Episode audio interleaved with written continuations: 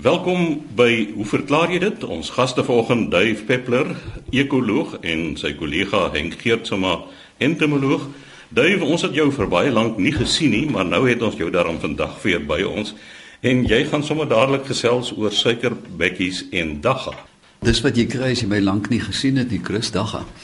'n Lekker brief van Pierre Coetzee wat begin met 'n wonderlike wenk na 'n program van 25 Augustus sê het julle gepraat oor suikerbekkies, suikerwater en die probleme met bye en groot voëls soos vinke wat pla. Ons het dieselfde probleem gehad dat bye oorneem. My vrou het toe 'n platter bakkie geneem en dit met dikker strootjies en sintetiese blomme in voerder gemaak wat net die suikerbekkies kan gebruik. Die strootjies is nie langer as 50 mm nie en tot die kleinste se tongetjie is lank genoeg om te kan drink. Sy plak die strootjie aan die blom vas met quickset gom en dan aan die deksel. Mengsel sterkte 4 koppies water op 1 koppie suiker. Hulle gebruik die metode al vir 3 jaar en identifiseer 8 verskillende spesies wat hier kom drink. Elke spesies het sy eie tyd van die jaar en dit is natuurlik die vreugde van so 'n voerder, die seisonaliteit daarvan. Om die groot voëls te akkommodeer hang ons hulle voeder in die koelte van 'n boom en die bye lol nie hier nie. Wat hulle wel gedoen het was om 'n klein plastiek yskasbakkie met ons ken almal die ou Tupperware tipe bakkie. Gaatjies in die deksel geboor, dik strootjies daardeur gedruk en vasgeplak en toe met alle respek meneer Kotse blomme wat glad nie in die heelal voorkom nie daaraan bo aan vasgeplak. Ek het nog nooit sulke grillerige plastiek blomme gesien nie. Wat twee dinge verduidelik. Een dat voels bitter onnosel is of deur kleur aangetrek word want kleur beteken beloning in die blommeryk. En ek dink Henk sal dit beamoen dat uh, met insekte word daar wyd geadverteer as daar 'n beloning is. Daar's paaie in die ultraviolet baan ensovoorts. Met hy kan dalk later daaroor 'n bietjie kommentaar lewer. En dan word die bakkie plat neergesit en ek het met verstomming gekyk na die idee en dit werk duidelik Ek het self die probleem met bye wat my suikerwater opdring en uh, sodra ek terugkom van 'n volgende reis is die platbakkie met absurde blomme my voorland. Baie dankie vir die wenk. Iemand wat belangstel kan my kontak of vir Chris en dan kan ons die ontwerp weer aanstuur. Dit werk blykbaar baie goed en ek sien geen rede hoekom dit nie enige plek in Suid-Afrika kan werk nie. Nou sê hy verder, ek soek weer 'n verduideliking. Die plant hemp in aanhalingstekens, ek noem dit dagga, word in verskeie lande geproduseer vir die gebruik as veselboumateriaal tou. Na bewering is dit versterk dit staal, die sade lewer 'n olie wat as biobrandstof gebruik kan word. Dit is ongelukkig onder die plantnaam cannabis, maar is nie dieselfde as die dwelm dagga nie. Wat is die rede dat ons nou al hoe meer na alternatiewe soek vir olie, maar ons mag nie hemp hier in Suid-Afrika kweek nie. Dit kan 'n hele nuwe werkgeleentheid skep veral op swak grond waar hemp sal groei. Kom ons begin by sy laaste opmerking, swak grond. Het jy al gesien waar dag gaan groei waar die toppie weggegooi is teen die sypaadjie tussen die krake van die teer teen 'n muur waar daar geen water is nie. Gelukkig in Suid-Afrika hou so 'n plant glad nie lank nie. Hy word gebruik lank voor hy volwassenheid bereik. Nou, ek het 'n intense belangstelling in Dagga en dit het begin baie jare gelede toe ek aan die syroete van Marco Polo letterlik in Kazakstan gery het. Die plantegroei van sentrale Kazakstan is sogenaamde feather grass, viergrassteppe en daar is vir honderde, selfs duisende kilometer niks anders as een spesies gras nie. Maar dan as jy van 'n afstand kyk, is daar 'n groen baan deur die landskap en die groen baan is 'n heining van dagga aan beide kante van Marco Polo se pad. Volgens die eh, my Russiese gasheere is dit al vir eeue so. Met ander woorde, dagga was goed bekend aan die vroeë reisigers as 'n vesel, as 'n uh, stut teen 'n koue nag, as 'n stut teen verveeldheid as jy lank moes reis vermoed ek ensovoorts. Nou ons is almal bewus van die kwaliteite of die inherente kwaliteite van dagga wat vir jou in 'n droomwêreld kan sit soos min. En die aktiewe bestanddeel daarin is tetrahydrocannabidiol. Nou, dit is 'n baie sterk hallusineermiddel wat sedert oertye bekend is aan gans die wêreld.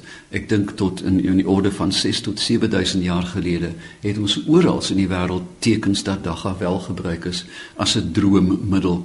Daar is sterk vermoedens dat shamans of heilige manne of wyssers hierdie middel gebruik het om 'n droomtoestand te betree en dan, miskien het die sieners van die aarde ook 'n bietjie aan 'n sol gesuig om hulle absurde voorspellings te maak. Die werking op die brein is nie heeltemal bekend nie. Dit wat wel eh, baie seker is dat klank versterk word, dat uh, mense met nuwe aandag aan musiek luister. Nou ja, gaan kyk na enige popkonsert en ruik maar die wind wind af en dit ruik na gebrande hoendervere dit is altyd 'n teken vir my dat dagga aand gebruik is.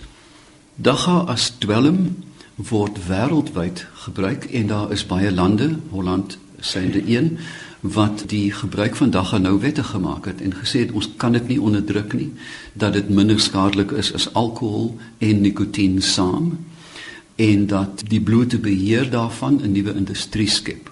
Maar kom ons kyk dan 'n bietjie na die vesel en vergeet nou van die lekker gevoel. Net laastens een van die neeweffekte van die gebruik van die dwelm is netlik 'n verskriklike ontembare eetlus wat in die popwêreld bekend staan as die munchies dat uh, nadat jy nou dit gebruik het raak jy verskriklik honger eet en gaan slaap dan vredevol nou die gebruik van dagga as 'n vesel dink ek is moontlik ouer as 'n uh, gebruik as dwelm. Ek het in my versamelingkie van jagkartoeters 'n lieflike handgemaakte buil, 'n jagbuil uit Swede wat lieflik met die hand uitgeslaan is met 'n berke steel daaraan, maar die tou is van daggavesel wat gepreserveer is in houtolie. 'n Lieflike vesel wat langer as ek sal lewe. Van die begin af het ons tekens dat dagga as vesel wyd gebruik is en veral uit hierdie manne wat uit die ys gegrawe word, Utsi in Switserland en ook in Engeland die sogenaamde bog people. En jy kan byna voorspel dat elkeen van hulle 'n kledingstuk sal aan hê wat gemaak is gedeeltelik van cannabis vesel. Cannabis sativa is die volledige botaniese naam.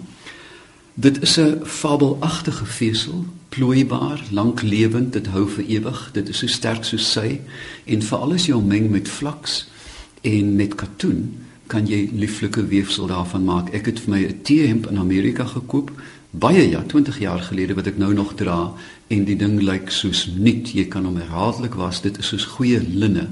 Hy hou vir ewig. Dan is daar ook twee soorte vesel. Daar's 'n binne- en 'n buitevesel waarvan die vreemd genoeg die binnevesel die hardste en sterkste is, maar hy's nie goed om mee te weef nie. Die binnevesel word dan gebruik as uh, beddegoed vir diere. Dit is houtagtig en ook as molm in landerye om water te bespaar. Die ander vesel is sag en plooibaar en jy kan veral tou van hom maak, baie baie goeie tou. Jy kan dit met die hand spin, maar dan ook baie hoë kwaliteit kledingstowwe.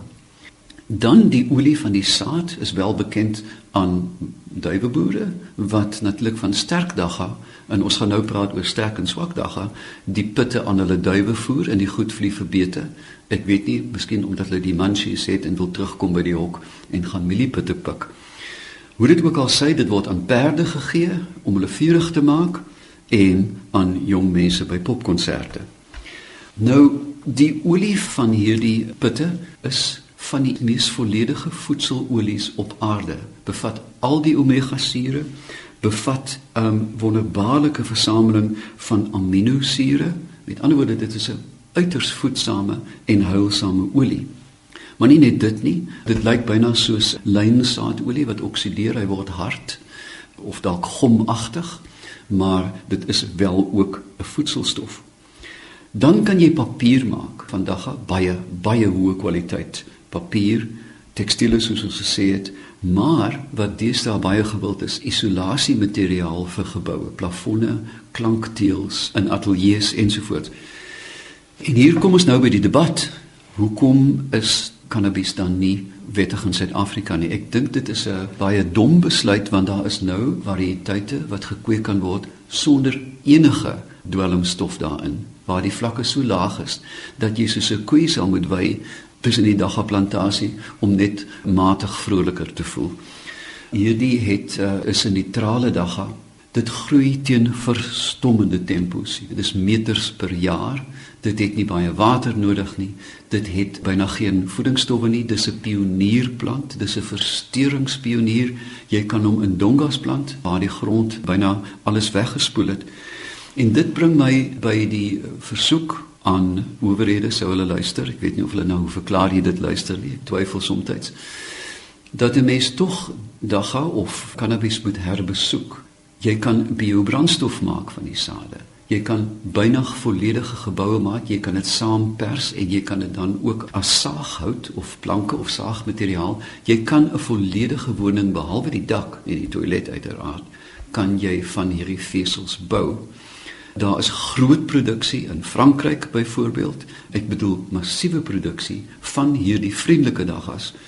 En mense dink aan 'n land soos Afrika of 'n kontinent altans waar daar 'n skaarste is aan boumateriaal. Suid-Afrika by name, ons moet plantasies aanplant. Die plantasies gebruik uiteraard baie water en daarom het die regering al jare gelede die aanplanting beperk tot 2,2 miljoen hektaar. Al wat ons kan doen is om nou groeivorme en kwaliteit van die produkte, houtprodukte te verbeter deur teeling. Maar ons het dagga. Dagga byvoorbeeld is 'n vesel wat jy in die middel van die stad kan kweek. As die ding nie verslawend is nie, gaan niemand dit gebruik nie. Wat gaan jy daarmee maak? Wat gaan Jan Alleman maak met 'n dagga plant? Hy kan dit uittrek, maar hy kan niks daarmee doen nie. So ek dink dagga peer is 'n wondervesel wat ons ernstig in hierdie land moet herbesoek want daar is soveel heilsame elemente aan die kweek van hierdie plant dat dit byna onweerstaanbaar is. Dave, jy is 'n regte advokaat vir die gebruik van hierdie plant. Maar die departement landbou, bosbou en waterwese het reeds 'n projek aan die gang om hennep as 'n gewas by die agtergeblewe boere in te stel veral omdat dit baie min aandag nodig het. Dit kan groei op swak grond sodat dit baie voordele vir mense wat amper 'n bietjie ongesofistikeerd is met landboumetodes. Gepraat van hierdie plant in die vroeg 90er jare het ons opname gedoen in Lesotho. En ek het nog nooit gesien hoe hierdie plante kan groei nie. In die mielielande het die mielietjies so meter hoog gestaan, maar die daggeplante was so hoog dat jy met 'n perd kon jy nie bokant die daggeplante uitkyk nie. So geil het die goed daar gegroei. Nou as mense in die hooglande van Lesotho woon, kan ek verstaan dat jy net 4 maande somer het en die res van die tyd is dit aaklige winter. En die enigste manier om daardie lang winter te oorleef, dink ek, is om 'n bietjie hoog te raak, soos hulle sê. En dis hoekom die kwaliteit van Lesotho se dag geskynbaar uit die boonste rakke letterlik en figuurlik. Ja, toe ek jonk was en in hierdie dampkring beweeg het. Ek sê nie ek het meegeneem doen daar nie, maar in daai dae was dit Durban poison natuurlik wat die. Maar kom ons wees ernstig.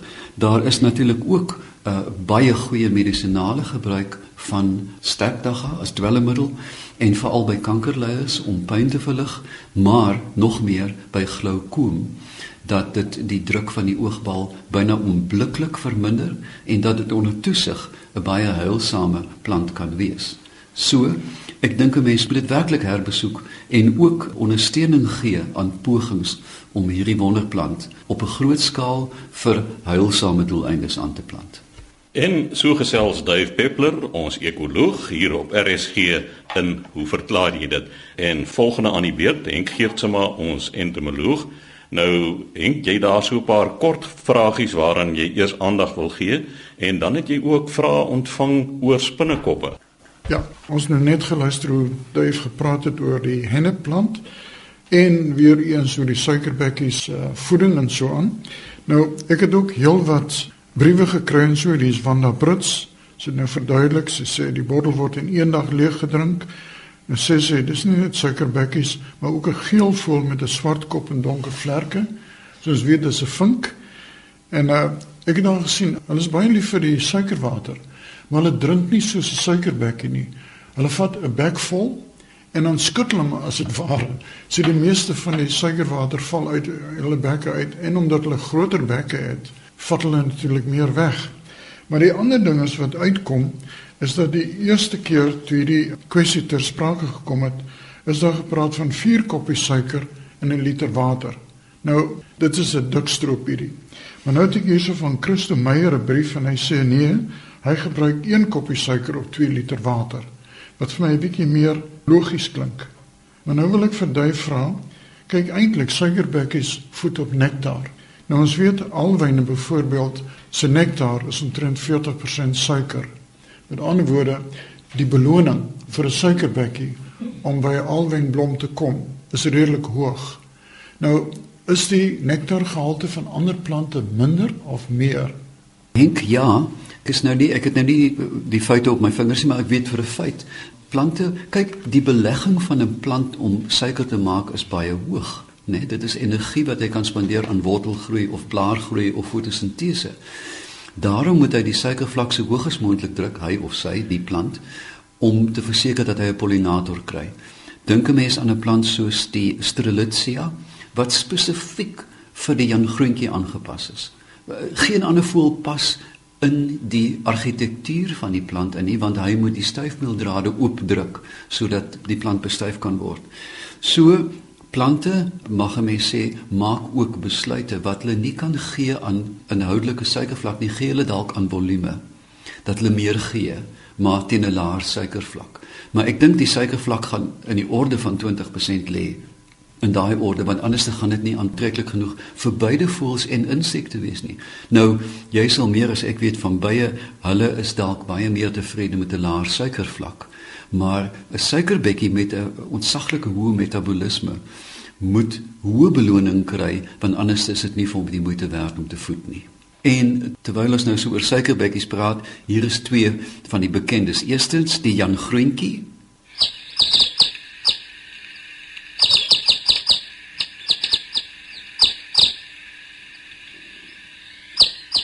En dan die gewone rooibors suikerbekkie wat ons almal ken.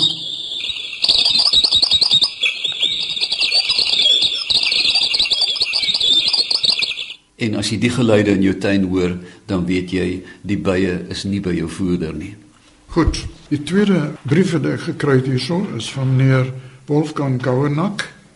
Ek vermoed hy is Duitssprekend eintlik van huis uit. En hy sê vir jare lank soek hy verantwoorde oor die gedrag van verskeie lewens in en om die tuin. En hy het 'n paar vrae. Sy eerste vraag is die van 'n spinnekop wat vir dae in my swembad onder die water gesit het. Nou meneer Gouenak sê natuurlik nie of die spinnekop geleef het of dood was nie, maar ek vermoed die spinnekop was nog lewendig. Nou jy weet 'n spinnekop haal asem deur liggaamsopeninge of trachea en die trachea sit aan die onderkant van sy agterlyf. Nou die spinnekop is natuurlik bedek met 'n verweellaagie, 'n soort van 'n donslaagie en spinnekoppe wat onder die water beland kan 'n baie lang tyd daar oorleef omdat die donslaagie vorm nou 'n laagie lug en die laagie lug raak nou versadig sê met CO2 en te min suurstof en dan word dit deur diffusie in die water word dit weer aangevul. Maar daar is ook spinnekoppe wat spesifiek net in water lewe. Onder die water waar hulle dan al prooi soek onder die water self. En hulle is uiters aangepas deur middel van 'n groter donslaagie. So dit is nie vreemd om 'n spinnekop te kry wat onder die water is en dit oorleef vir 'n hele paar dae. Maar nou sê dan, hy het ook 'n swemmerpomp uitmekaar gehaal en 'n klomp aantal mure en eiers in die stroom van die water gekry. Nou sê hy, hoe doen hulle dit? Nou hoe verklaar ons dit? Ek het geen verklaring nie, want as die water stroom, dan kry hulle nie hou vas nie. Hulle sal weggespoel word. So ek het werklik waar nie 'n antwoord op hierdie vraag nie. Dan sê hy hy wil weet hoekom onkruid altyd beter doen as iets wat 'n mens wil laat groei. Nou meneer Gouenak, ek het dieselfde probleem. Ek het al baie kere gedink ek moet onkruid plant want dan kom die goeie plante op. Die rede is eintlik onkruid soos ons dit ken is onkruid omdat hulle 'n verskynsel vertoon wat ons noem allelopatie. Met ander woorde, hulle ontkiem vinnig en met die ontkieming gee hulle 'n gifstof af wat vroeg dat ander plante ontkiem. So dit gee vir hulle so 'n bietjie van 'n voordeel. En dis hoekom onkruid neem altyd oor as gevolg van hierdie allelopatie. Henk, ek het 'n lewenslange belangstelling in onkruid. In die opsig dat is dit nou dagga? Nee, nee nee, ek ek sluit dagga hierby uit, Henk. Luisteraars, luister mooi. Onkruide is versteringspioniers. Met ander woorde, waar jy grond versteur, sal hulle die voordeel hê. Jy sal ook weet dat daar baie boere is wat in die nag ploeg, want hulle word ook in die dag gestimuleer as jy hulle versteur. Derdens het onkruid 'n verstommende vermoë om kompetisie uit te skakel deur hulle groeivorm, deur blare plat op die grond uit te stoot. Kyk na perdewortel, die dandelion. Hy maak 'n half 'n groot sopbord om hom totaal toe met sy blare en geen lig word toegelaat nie. Met ander woorde, hulle hulle is nie verniet onkruid nie want hulle het hierdie wonderlike voordeel. En dan laastens, onkruid het ook gewoonlik baie fyn saad wat met die wind versprei word. Dink aan perdewortel, dink aan ekium, dis peperfyn saad, dink aan ramnas. Hulle is nie verniet onkruid nie. En dan die volgende vraag van meneer Gouenakkes, hy sê die slakke vreet blare van bome wat baie swaarder bereikbaar is as die lekker lykende onkruid. Nou, weer eens soos Duif ook nou net gesê het, die onkruid beskerm hulle self deeglik of deur chemiese middels soos hierdie allelopatiese afskeidings en dan ook deur fisiese metodes deur uitsluiting van lig en so aan. Maar nou slakke is nie altyd lief vir onkruidplante nie. Hulle hou van slaaiblare. Snaaks maar, hulle sal nie die perdewortel eet nie omdat die blare van perdewortel is behaard. So daar het die perdewortel dan ook al weer 'n beskerming teen slakke. Maar jy weet die interessante ding is van slakke. As hulle begin vreet op 'n plant, dan soos hulle nou die plant beskadig, dan word die plantsap vrygestel en die plantsap oksideer. En in die proses ontwikkel dit 'n lokmiddel vir slakke. So mens vind dat as 'n plant een keer deur 'n slak aangeval word, dan dien dit as 'n bron vir ander slakke om ook na hierdie heerlike feesmaaltyd te kom. So ons het dan gedink om te kyk wat is hierdie oksiderende middel? Dan kan 'n mens miskien 'n beter middel vind as hierdie wat ons op die oomblik vrylik in die tuine en so rondstrooi en wat nie net slakke doodmaak nie, maar ek vermoed ook ander aardwurms en goed sal doodmaak en die grond natuurlik gaan bietjie vergiftig as dit ware. So, dit is meneer Gouenak se vraag. Dan het ek hierso ook 'n kort briefie van meneer Hats en hy verwys na die program van professor Mouton en ek waar ons gepraat het oor sekere slange wat of lewendbarend is of eiers lê. Nou vra hy eintlik in die brief, nou hoe onderskei mense tussen die twee? Nou ek kan nie vir die reptiele antwoord nie, dis professor Mouton se forte of die sterkpunt eintlik. Maar vir die insekte is dit baie interessant. Byvoorbeeld in die vliee wat 'n baie groot groep is, kry mens bepaalde families waar hulle eiers lê en of larwes. Maar onthou wat ek gesê het in die vorige program, geen insek lê larwes nie. Hulle lê eiers wat uitgebroei het. Met ander woorde, die eiers broei uit in die wyfie en dan word die larwe gedeponeer. Maar hulle lê almal eiers maar party lê die eiers dan buite die liggaam en party hou die eiers binne in die liggaam terug. Met die bekendste voorbeeld die van die tsetsevlieg wat tot die larwe binne in die wyfie bly tot die larwe volgroeid is en dan uit beweeg om te gaan verpop. So selfs in die vleefamilies kry mens sekere families het dan lewendbarendheid wat ons noem, maar die vlee lê nog steeds eiers, maar die eiers word teruggehou en dan broei dit uit binne in die wyfie. Maar ek mens aanvaar dan dat die terughouers minder eiers lê want die grootte van die larwe binne die liggaam van die wyfie beperk.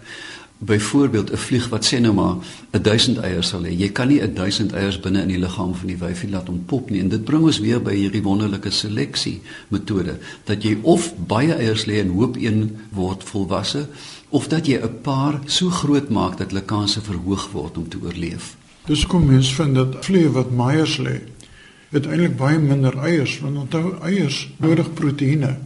En proteïene is altyd 'n tekort by die dieet van insekte. Dan ook as mens dink aan die tsetsevlieg, die wyfie lê net een eier, net een larf op 'n slag. So teoreties sou mens dink dis maklik om tsetsevlieg uit te roei. Maar tsetsevlieg lê omtrent 3 eiers per jaar. Met ander woorde, as mens daai drie eiers in nageslag kan kortwiek, dan is dit pad om dit uit te roei, maar sover my bekend is tsetseflieg nog steeds 'n probleem in Afrika. Henk, ek was pas 5 uh, weke in Uganda en daar is in van die savannas wat bekend staan as tsetseflieggebiede waar die buffels heeldag in modderbaddens lê om die goed te ontsnap, maar ook ek het te vermoed hulle word deur CO2 aangetrek deur jou asem dat as jy stadig ry deur hierdie savanna is daar 'n pik swart wolk van setsivlee wat agter jou aanvlieg wat dan in elke hoekie en gaatjie in die motor inkom. Nou jy moet dit setsivlieg met 'n baksteen doodslaan. Hulle is taai diere ja. en dit is dalk ook 'n beskerming. Hy kry nie maklik seer nie. Jy moet die ding met 'n helse slag slaan want anders te stap hy na jou toe en byt jou weer. Dit is dan die storie oor die vlee, maar ek dink met die volgende program as professor Mouton kom, moet hy maar die vraag oor die reptiele en hulle eier storie bietjie verduidelik weer eens. En daar het die tyd ons alweer ingehaal. Ons sê baie dankie aan ons twee spanlede, Dave Peppler, ekoloog en Henk Geertsma, ons entomoloog.